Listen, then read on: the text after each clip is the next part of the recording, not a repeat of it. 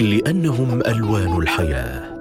نقدم لكم من قسم أطفال الأنابيب بمستشفى الدكتور سمير عباس أحدث العلاجات المبتكرة للعقم على يد أمهر الأطباء العالميين بجدة والذين أسهموا في تحقيق حلم آلاف المستفيدين بتكوين أسرة تنبض بالحياة. مستشفى الدكتور سمير عباس بيت الخبرات الطبية الأنيق رعاية تنبض حبه.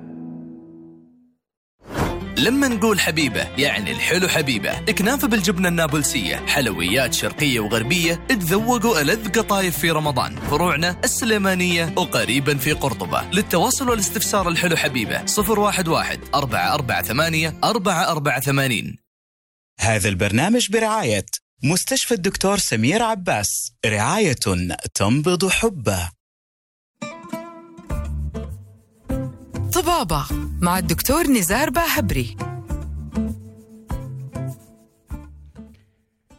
بسم الله الرحمن الرحيم والصلاة والسلام على رسول الله. رب اشرح لي صدري ويسر أمري واحلل عقدة من لساني يفقه قولي. أسعد الله أوقاتكم غفر ذنوبكم وجعلكم بإذن الله من المقبولين. ثالث يوم من أيام هذا الشهر العظيم المبارك. نحمد الله ونجدد الحمد والشكر على إننا في دار الإسلام ودار الإيمان وفي شهر القرآن. والحمد لله إننا ننعم ونشكر الله كثيرا إننا ننعم في هذه الأيام.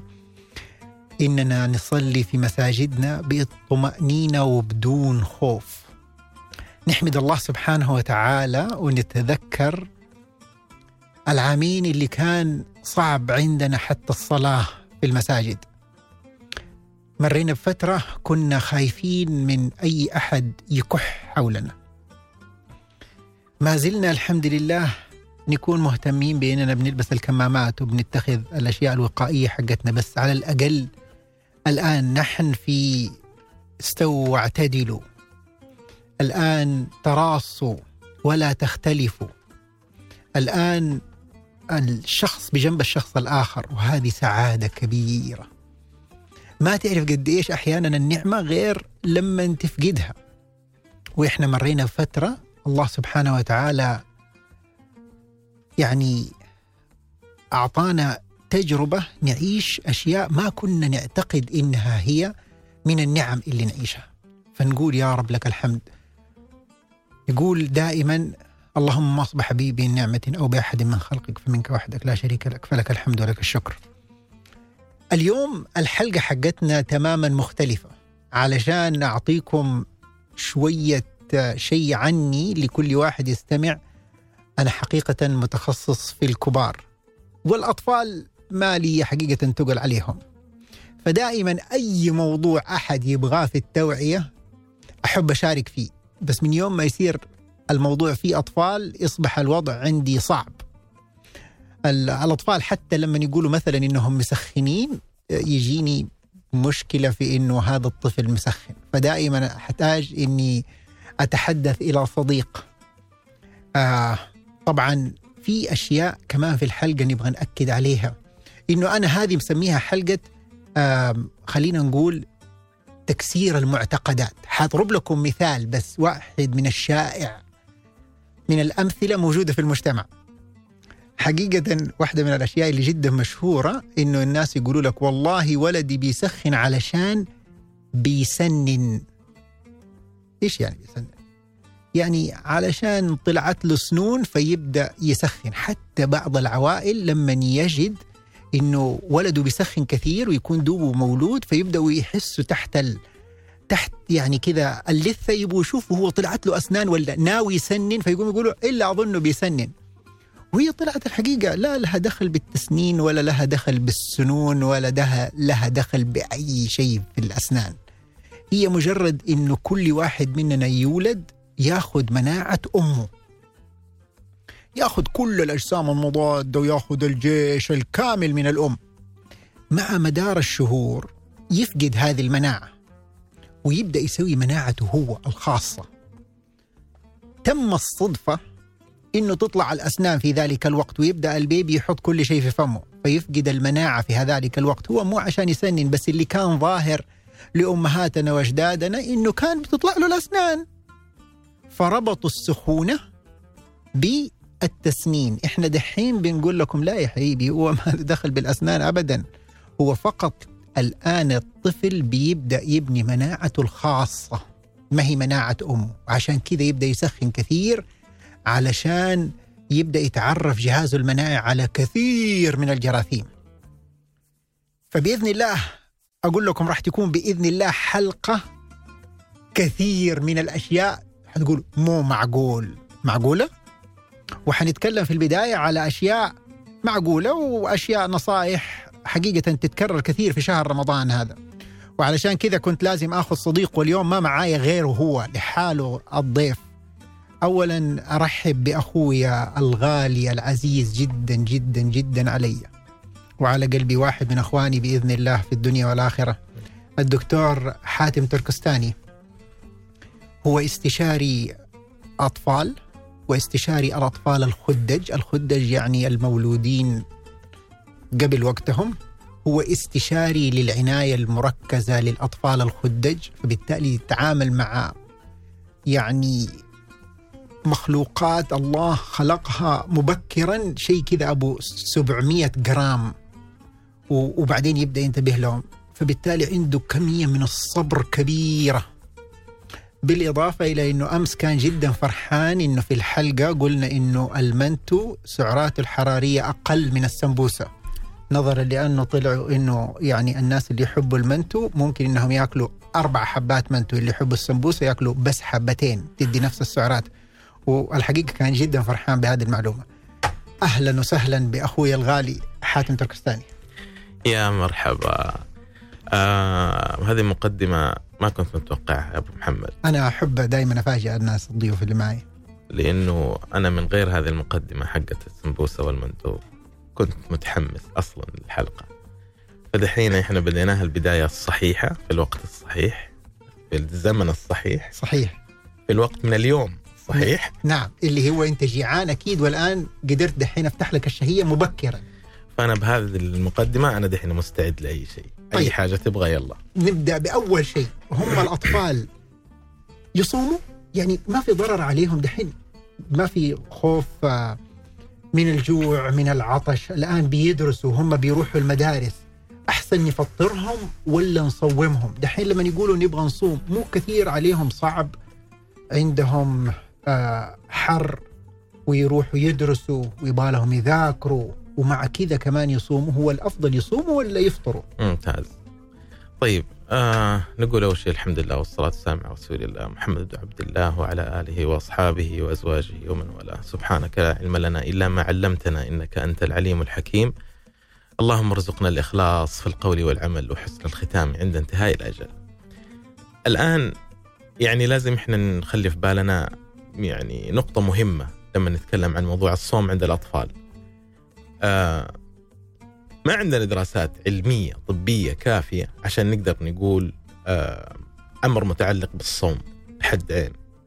لكن عندنا اجمالا السلوكيات، لما إحنا نتكلم عن الصوم هو سلوك من السلوكيات، صحيح. يعني أي طريقة تعامل مع الطفل في طول حياتنا مع أطفالنا أو مع أطفال الجيران أو نعم. عيال أختك أو نعم أنت إما إنك تبغى تدخل فيه سلوك إيجابي ولا إنك تبغى تشيل سلوك سلبي. صحيح الصوم كمبدأ هو عبارة عن سلوك إيجابي إحنا نبغى ندخله داخل الطفل. هذا الطفل. صحيح إذا ما ينطبق على الصوم هو ما ينطبق ما ينطبق على أي سلوك إيجابي آخر أنت تبغى تدخله في هذا الطفل. ممتاز إذا إحنا عندنا في قواعد عامة مهمة لازم نخليها. هو متى العمر أول عمر مناسب للتلقي للسلوك الإيجابي ولا لأي شيء؟ لأي حاجة. متى العمر اللي أنا أقول هذا العمر المناسب ان الآن أبدأ أدخل هذا السلوك المعين؟ ست سنوات؟ تقريبا هو خمسة ست سنوات. خمسة إلى ست سنوات. عشان كذا لو تلاقي أغلب الأمهات يعني عندهم مشاكل تقول ولدي يقعد ينقز فوق الكنبات. كل ما أضربه ولا زعق عليه يرجع ينقز ثاني مرة فوق الكنبات. فنقول لها تقول فهذا يعني عنده فرط حركة. فأنت المفروض أنك تقول لها هو كم عمره؟ بالضبط. إذا كان هو أقل من ست سنوات تقول له طيب هو دائما ما حيتعلم انه نعم. الكنبه ما يتنطط نعم. عليها. فإحنا غالبا نقول إذا الطفل عمره أقل من خمس سنوات هو بيسمعك. هو بيسمع الكلام بشكل جيد. لكن فترة بقاء المعلومة في راسه قصيرة. تمام. فلما تقول له يا ولد اقعد. هو سمعك وقعد. لكن بسرعة بي بينسى. نعم. ويقوم ينقز ثاني مرة. فهو ما عنده فرط حركة هو بس أصلا ما هو في العمر اللي المفروض إنه يتلقى فيه بالضبط. هذا عمر التلقي بقاء المعلومة في الذاكرة فترة طويلة لك عليه. تمام. اذا أول حاجة إحنا نبغى نقولها لما نبغى نتعامل مع الطفل أول حاجة نقول يعني زي ما كنا نقول زمان العمر اللي يفرق فيه بين الجمرة والتمرة. حلو. خمس سنين. اذا قبل خمس سنين يعني طول بالك. ما هو تمام. بس على على الصيام على أي شيء. آه طفل يدخل الحمام ما يغسل يصحى من النوم ما يفرش أسنانه. تمام. آه يحط يده في أماكن ما هي كويسة في جسمه.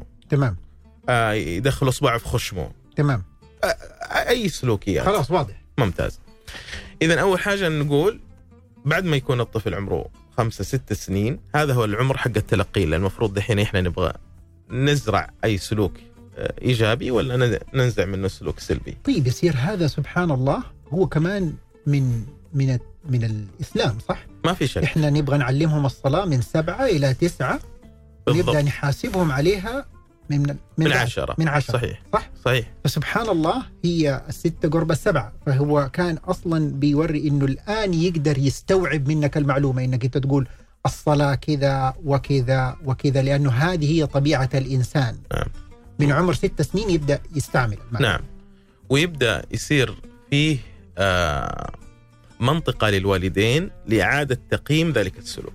تمام. يعني أنت كمان تبغى لما تزرع سلوك معين إنك ترجع تشوف إيش أخبار ذلك السلوك. تمام. مسك معاه ما مسك معاه أحتاج إلى دعم أحتاج إلى تقييم وهكذا.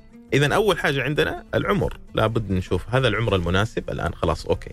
أبدأ الآن في زرع ذلك السلوك. الآن لنأخذ الصيام كمثل. تمام. بس كلامنا يشمل على جميع الأشياء. أوكي. آه واحدة من الأشياء المهمة إنك لما تبغى تزرع سلوك معين عند الطفل سواء سلوك إيجابي ولا سلبي تبي تنزعه الطريقة اللي أنت تبي توصل فيها الفكرة هذه طريقه مهمة مرة. آه يعني دائما إحنا نبغى نقول إنه تعاملك مع السلوكيات لابد إنه يكون تعطي أنت المثل الإيجابي إنك تبي تسوي. يعني ما ينفع نقول للطفل ليش ما تصوم؟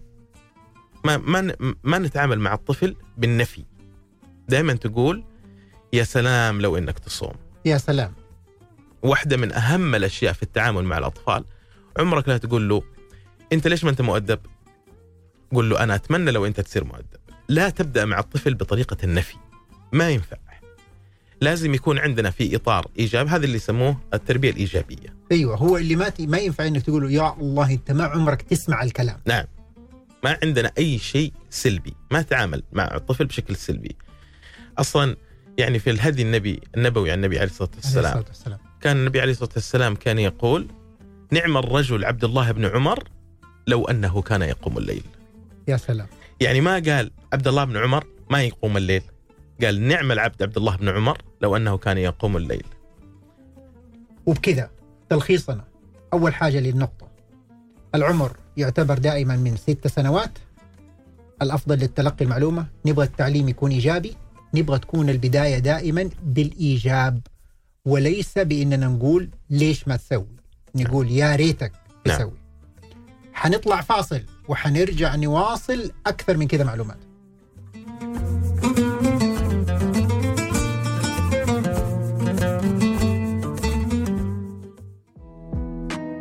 مستشفى الدكتور سمير عباس رعاية تنبض حبه. للاستفسار 900 12525 طبابة مع الدكتور نزار باهبري. ورجعنا لكم. متى حيصوموا؟ إذا قلنا الصيام تبي تدرب الطفل بعد عمر خمسة ست سنين. هذا العمر المناسب إنك تبدأ تدرب الأطفال على عمليه الصوم. ممتاز. طيب الشيء الثاني الآن كثير مرة بيعانوا منه هو إنه الأطفال يعني عندي قاعدين بحكم إنه بالذات إذا كانوا صغار ما عمرهم أصلا درسوا وكان رمضان. أيوه فالآن كلهم كأنهم أكثر شيء صعب في الحياة.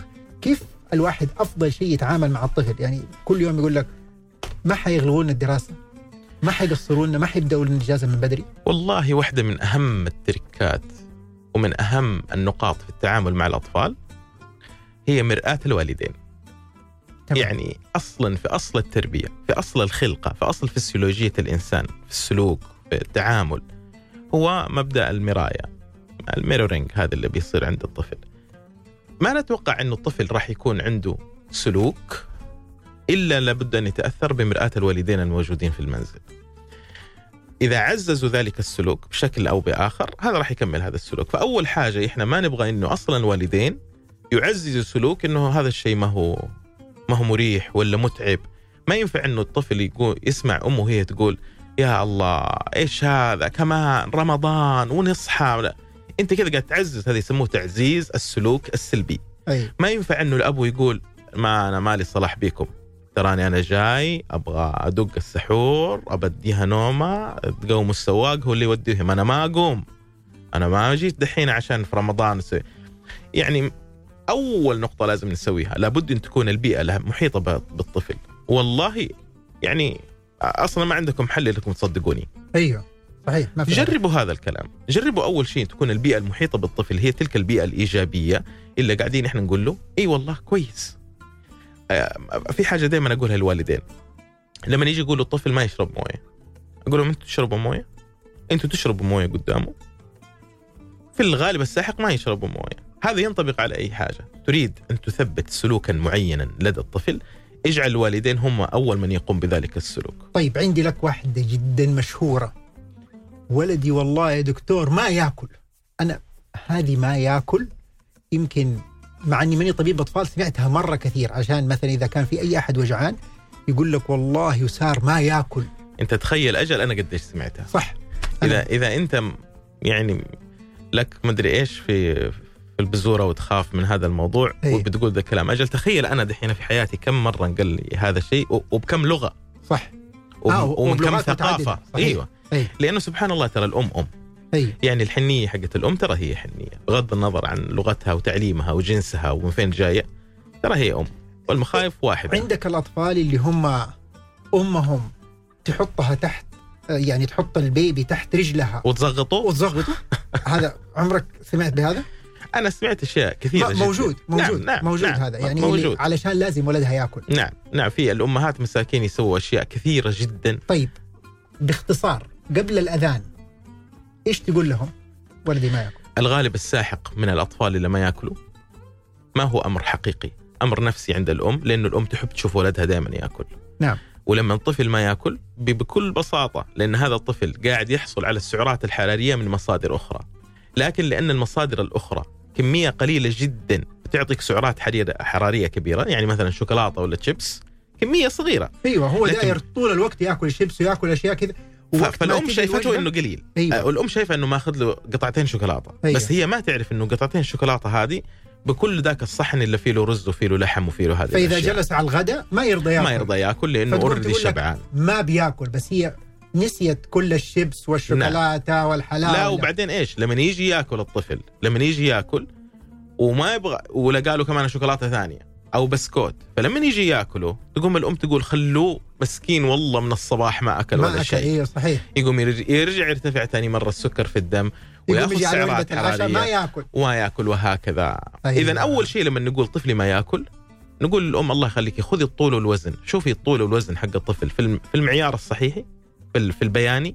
إذا كان الطفل الطول والوزن وخلال أول سنتين الطول والوزن ومحيط الرأس إذا كان ينمو الطفل بشكل جيد ترى هذا هو الأكل الكويس. حقه يصير هو بيأكل بس أنت ما بتنتبهي متى بيأكل. صحيح. حنطلع للاذان حق العصر ونرجع لكم مرة ثانية.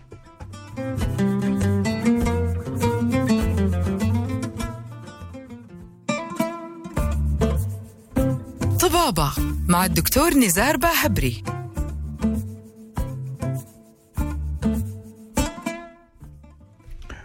ورجعنا لكم في معتقدات وأشياء كثيرة خاطئة في علم الأطفال مع الدكتور حاتم تركستاني. دكتور حاتم أنا دحين في واحدة من الأشياء. إحنا نبغى نقول معتقدات كثيرة خاطئة مع الأطفال.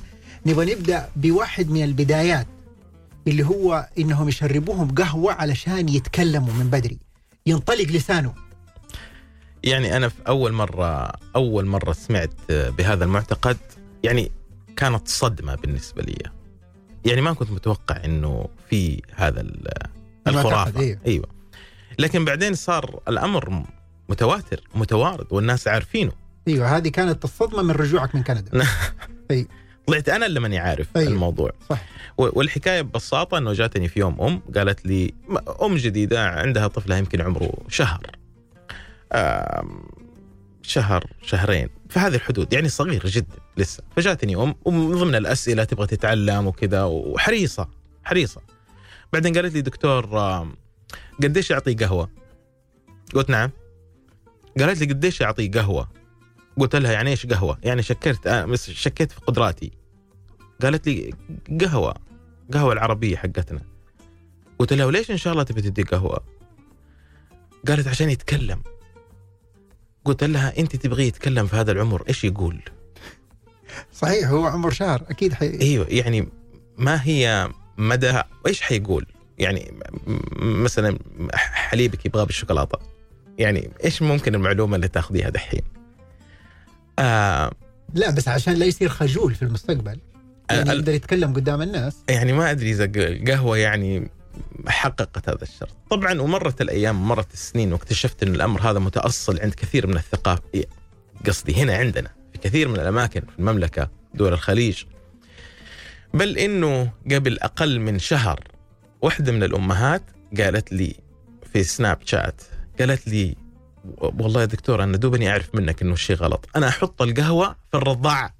أوه مع أوه. الحليب ولا لا؟ لا لا سادة كمان آه. لا نلخبط أيوه صح ما نسوي يعني قهوة. بحليب لا. كذا يصير ما طيب أيوه كذا يصير الولد يتكلم وما يتكلم لا إحنا نبغى يتك- يتكلم زي الناس صح فقهوة بيور بيور. قهوة عربي طيب هو. إيش في خطر عليه إنه يشرب القهوة طيب؟ آم أفرض إنه من جد ينطلق لسانه طيب يعني إحنا دحين ما حنتكلم عن موضوع الكافيين وهذه الأشياء لكن أيوة. في مبدأ مهم جدا الطفل خلال أول ستة شهور بعد الولادة المفروض ما ياخذ إلا حليب وفيتامين د فقط. فقط. أي شيء آخر ممنوع منعا باتا ولا الماء. ولا الماء ولا, ولا العسل. إيش إيش أقول للأمهات؟ أقول لهم ولا الموية المقرية ولا زمزم، ولا العسل. لا العسل لمدة عام، عام كمان. نعم. العسل لمدة عام ممنوع للأطفال. لكن خلال أول ستة شهور الطفل بلاش نقول إيش ما ياخذ، لا الطفل أول ستة شهور ياخذ, ياخذ. الحليب نعم وفيتامين د فقط. يصير شيء جدا مهم قبل ما نطلع الأخبار باختصار أول ستة شهور ياخذ فقط الحليب وفيتامين د ما ينفعه لا القهوة ولا العسل ولا الماء ولا الزمزم ولا تقول لي والله إحنا ياما نشربهم وما صار لهم شيء انت بس ربنا لطف وما صار لهم شيء انت ما شفت الناس اللي صار لهم شيء نطلع فاصل الأخبار ونرجع لكم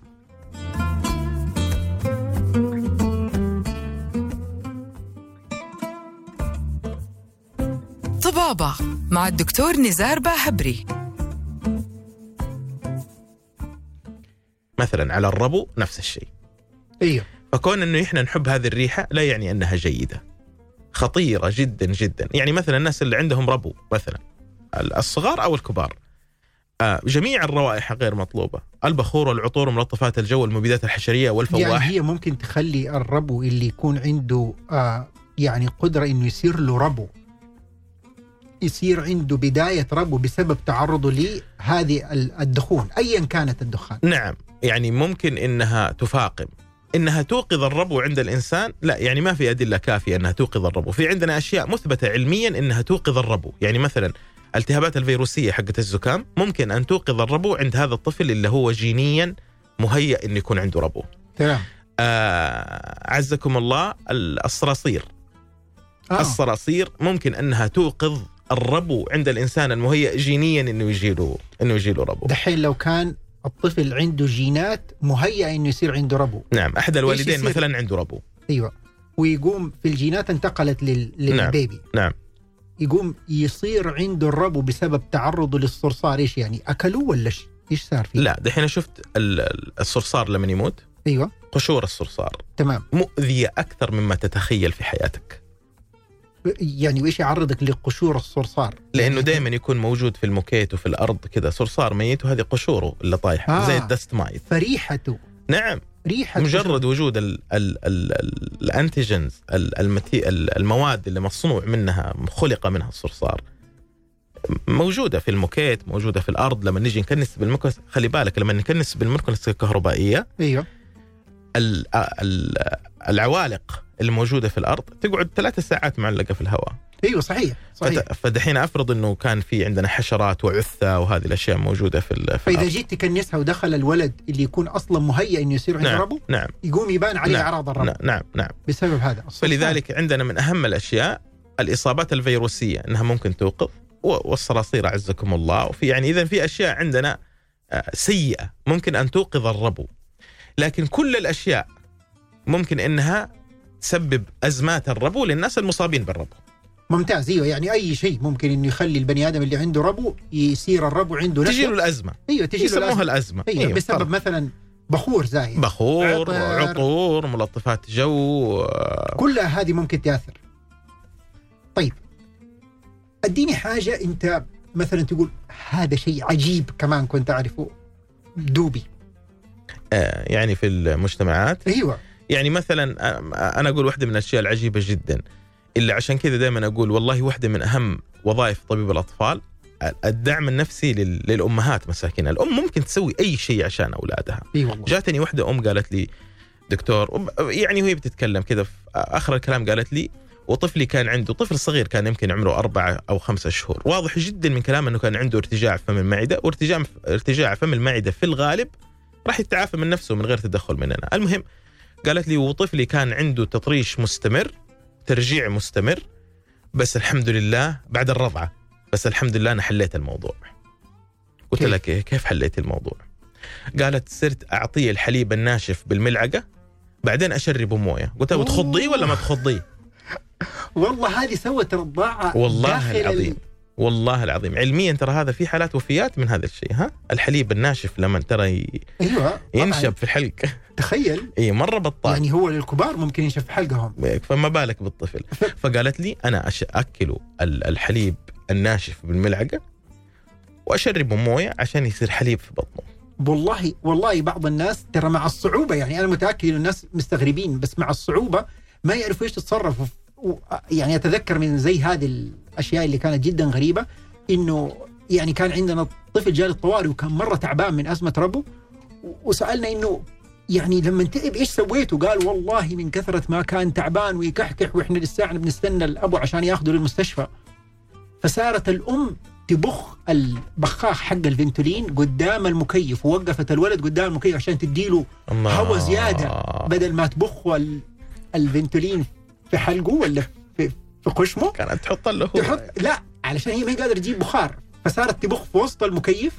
والمكيف توقف قدامه الولد. والحقيقة ما تحسن بأي حال من الأحوال يعني وصل.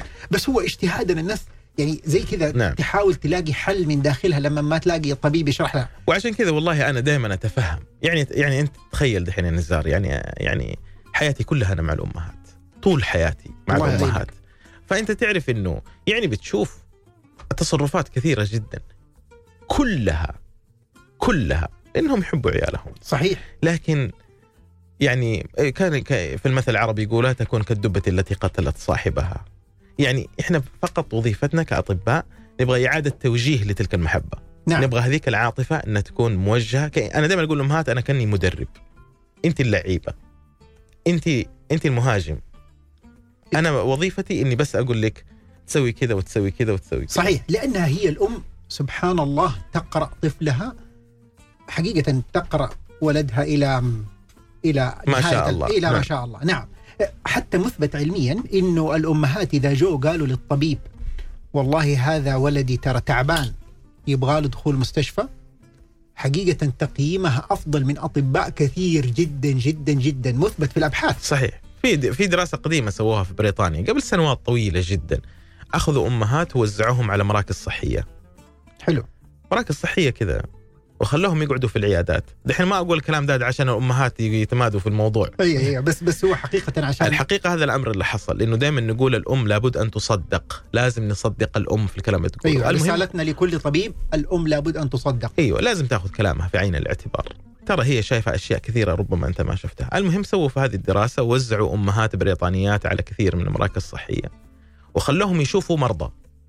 خلوهم يشوفوا مرضى. وطلبوا منهم إنهم يسووا تشخيص ويقولوا إيش الدواء. بس ما طلبوا منهم الجرعة. طلبوا منهم بس التشخيص ويشوفوا إيش إيش الدواء. كان أكثر من 95% من كلام الأمهات صحيح.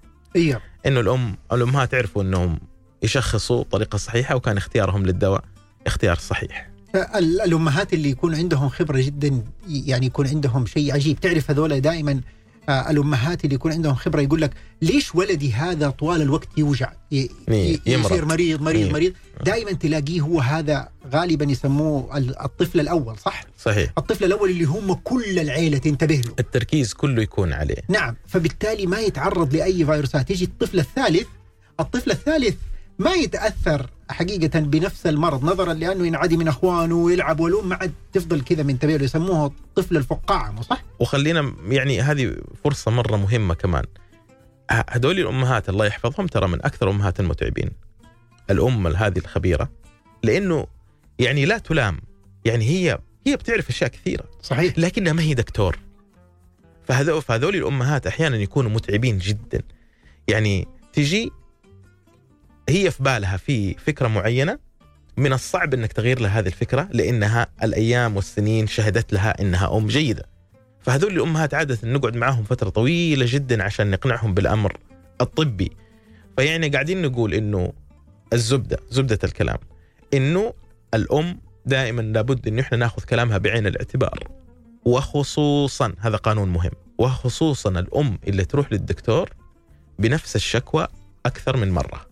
إذا الأم جات للدكتور. وهذه. نصيحة دائما أقولها حتى للدكاترة ال- الفت... سنوات التمرين. أقول لهم إذا جاتكم الأم بنفس الشكوى أكثر من مرة لا تخليها تروح البيت. لابد إنك تأخذها بعين الاعتبار تماما. جدا. لأنها أكيد شايفة شيء أنت ما أنت قادر تشوفه كدكتور. صحيح. وتحية لكل الأمهات. نطلع لكم فاصل ونرجع لكم نواصل.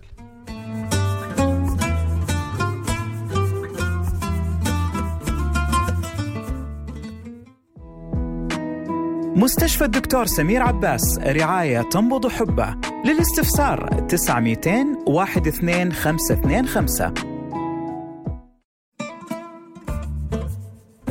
طبابة مع الدكتور نزار باهبري.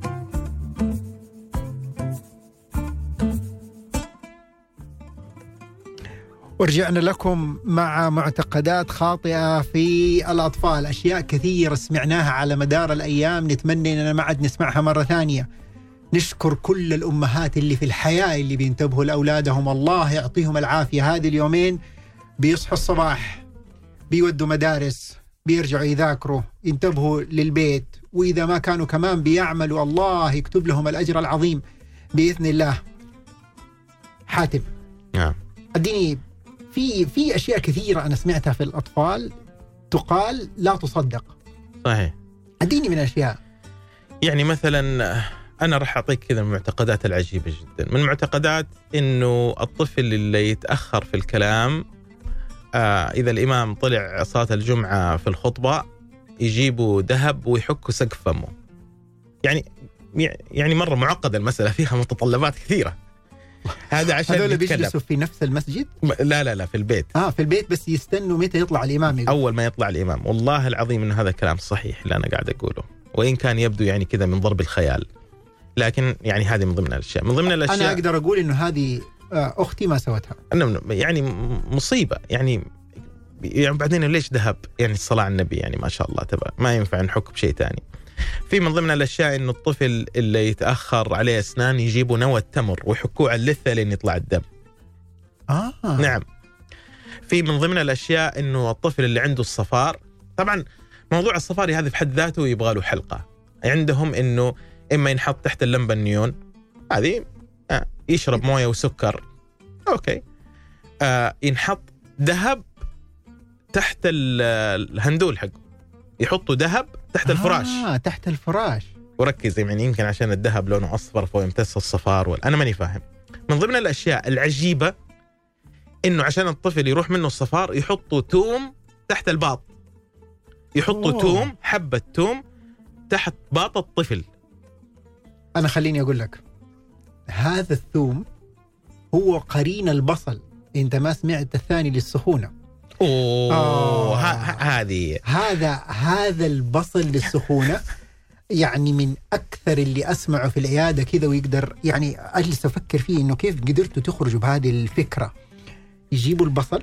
أكيد ما أدري سمعتها هذه في الأطفال؟ لا أنا أعطيك هي بشقيها اللي أنت ما سمعتها. لا أول أقول لك اللي أنا سمعته. قول. اللي أنا سمعته إنهم يجيبوا البصل يفوروا البصل يطحنوا البصل. بعدين بعد ما يطحنوا يسووه على شكل تحاميل. يقوموا يفرزنوها يقسطروها يحطوها في الفريزر تصير على شكل تحميلة يخرجوها يحطوا عليها شوية زيت أو فازلين ويبدأوا يحطوها تحاميل. لعلاج السخونة. لا إله إلا الله. لا والله أنا هذه ما سمعتها. أنا حدي يعني العلاج بمبدأ السلطة. يأخذوا البصل يسووه شرايح. أيوه. دحين اللي يسمعنا دحين يقول يمكن هذه فقرة الطبخ. يأخذوا البصل يسووه شرايح. إما ينحط شرايح على الجبهة. أو ينحط في الشراب عشان يمتص الحرارة. آه. لكن ينحط ني. في فكلامك الشراب. في الشراب. لا أنا تحاميل. لا. أنا أنا أحسن بكثير. إيه يعني- لا هذا أنا هذا ما مر علي. والحقيقة إني أكدت لهم إنه ما يشتغل. ابدا. الحقيقة والله إنه واحد من المرضى جاء حقيقة في حالة من ال- الوفاة يعني ضغطه 40 على 20 كده يا شيء. مرة. وديناه العناية. أهله بيحاولوا يخفضوا الحرارة بكل الطرق الممكنة كانت من أهمها. يقول لك هذا دائما تحاميل البصل وحدة بوحدة. كذا قال لي والله يا دكتور أنت ما تصدق هي هذه المرة ما اشتغلت بس هي تحاميل البصل وحدة بوحدة للسخونة. بس تحطها تنسى السخونة لا إله إلا بس المشكلة إنهم يدوا بنادول في نفس الوقت. فهم ما هم عارفين هو من البنادول ولا من تحاميل البصل. نعم. أكدت لهم إنه من البنادول. اي ما إيه إيه وش اسمه لما إحنا بنحط آم، كل هذه المعتقدات فيها الإشكالية هذه اللي دوبك قلتها. أيوه انه بيعطي المخاطرة. إحساس كاذب بالأمان. يعني نعم. بيأخرك إنك تسوي الشيء الصحيح. يعني هذا أخطر شيء. يعني دحين في كل يعني هذه الرسالة مهمة. في كل واحدة من المعتقدات الخاطئة اللي إحنا قاعد نقولها عندنا خطرين. الخطر الأول إنه هذا ما هو العلاج. الخطر الثاني إنك قاعد تسوي شيء ظنا إنه علاج ويعطيك شعور كاذب بالأمان. فيتأخر الأمر لو كان أصلا يحتاج إلى تدخل طبي.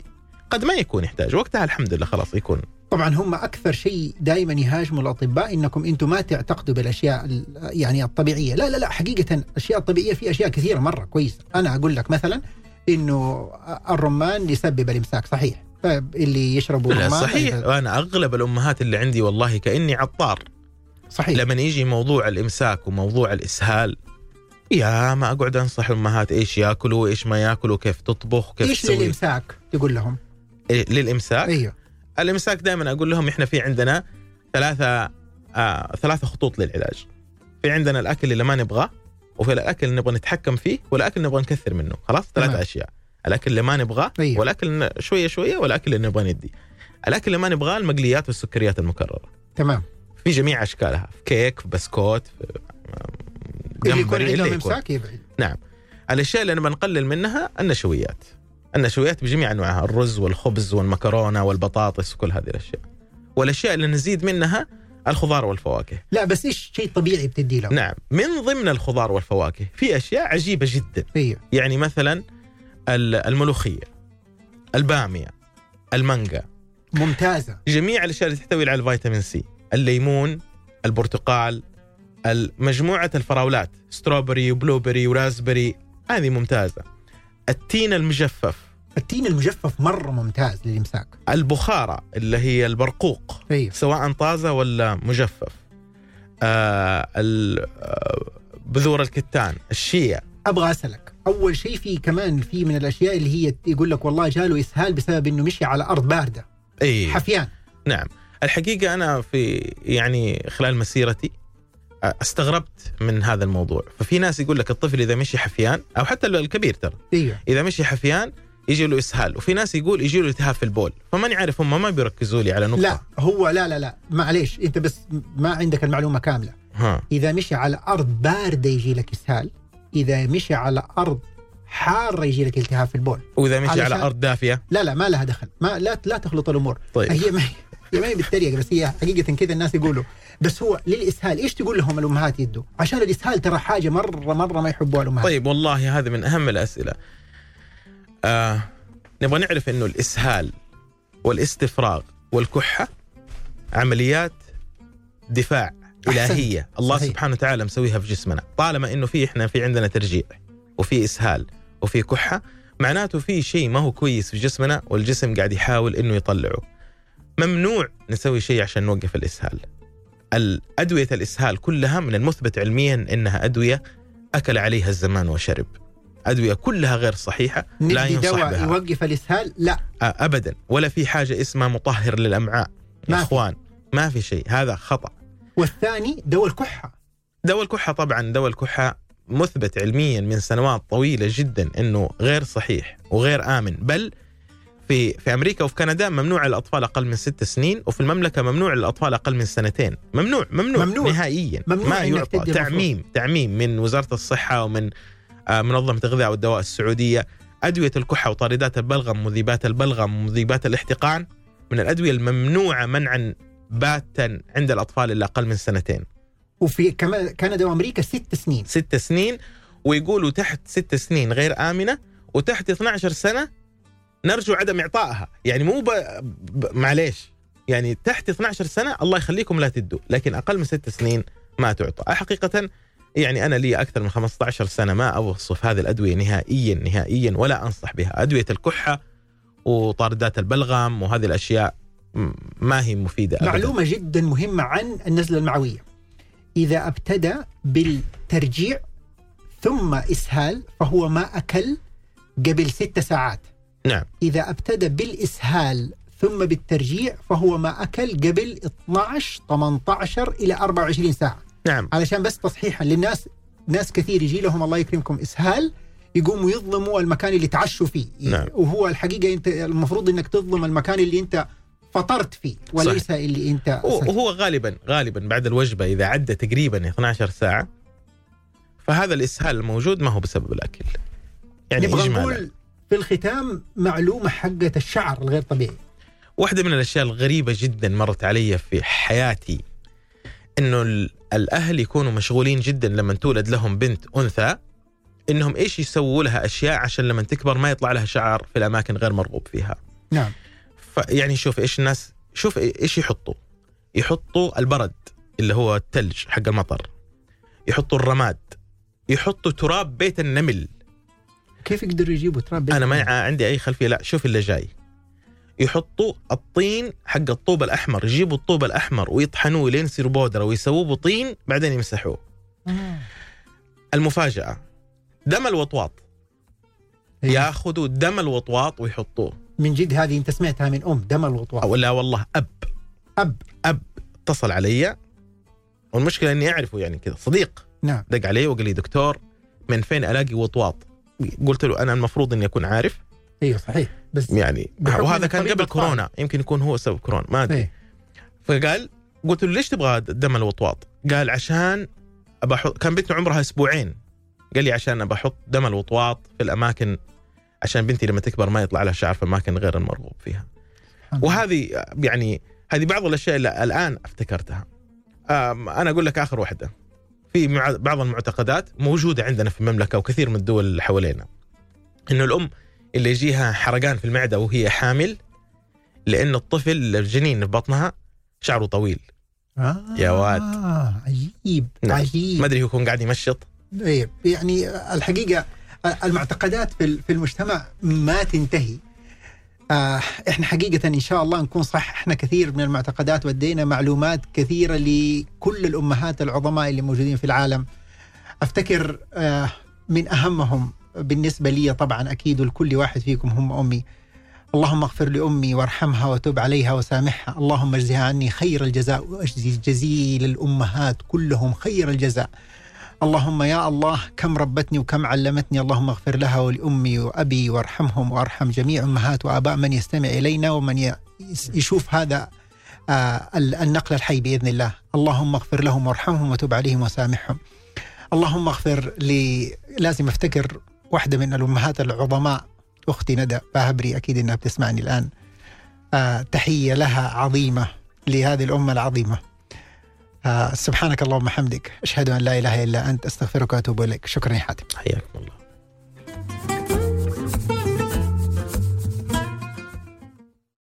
هذا البرنامج برعاية مستشفى الدكتور سمير عباس رعاية تنبض حبه.